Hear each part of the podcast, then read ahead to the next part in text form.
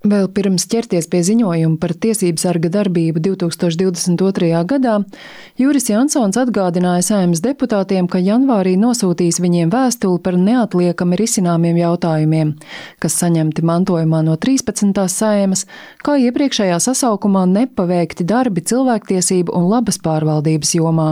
Turpina Juris Jansons. Diemžēl no jums, cienījamie saimnes deputāti, līdz šim neesam saņēmuši nekādu atbildes reakciju par vēstulē norādītajiem jautājumiem. Jāatgādina, ka šajā vēstulē tiesības sargs uzskaitīs 11 neatliekamus uzlabojumus tiesiskajā regulējumā, kurus līdz šim deputāti vilcinājušies veikt.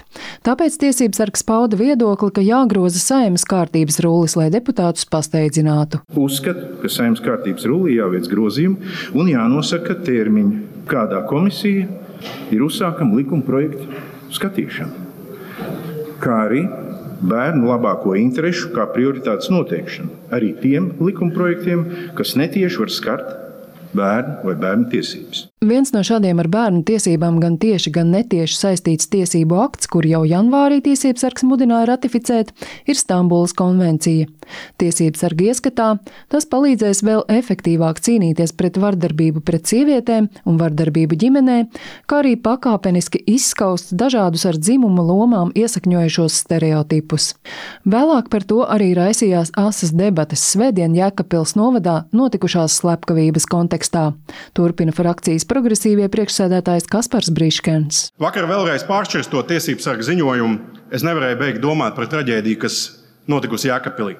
Man ir kauns noskatīties, kā jautājums par sieviešu aizsardzību no vardarbības ir ticis apzināti politizēts.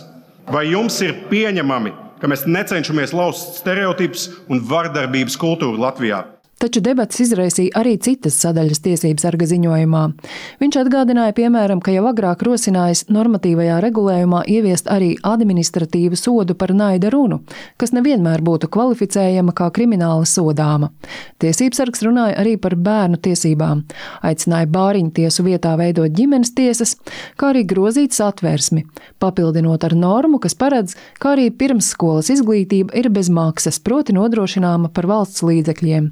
Taču tas nebija vienīgais tiesības sarga ierosinājums par valsts pamatlikuma grozījumiem. Mūsu ierosinājums ir satversmē ierakstīt tiesības sarga institūciju, jo, kā jūs labi zinat, Latvijas Republikas satversmē 8. nodaļa, kur ir minētas, ierakstītas cilvēku pamatiesības, ir izsmeļoši, bet institūcija, kas būtu virsuzraugs un attiecīgi cilvēku tiesību ievērošanas kā, veicinātājs un nodrošinātājs. Tādas institūcijas nav. Debatēs, kas sekoja ziņojumam, tiesības sargs saņēma ļoti daudz kritikas, galvenokārt no opozīcijas partijām, kuras pārmeta dažādu cilvēktiesību pārkāpumu ignorēšanu un pārāk lielu uzmanību dzimumu līdztiesībai, nevis sociālajiem jautājumiem vai trūkumiem veselības aprūpē.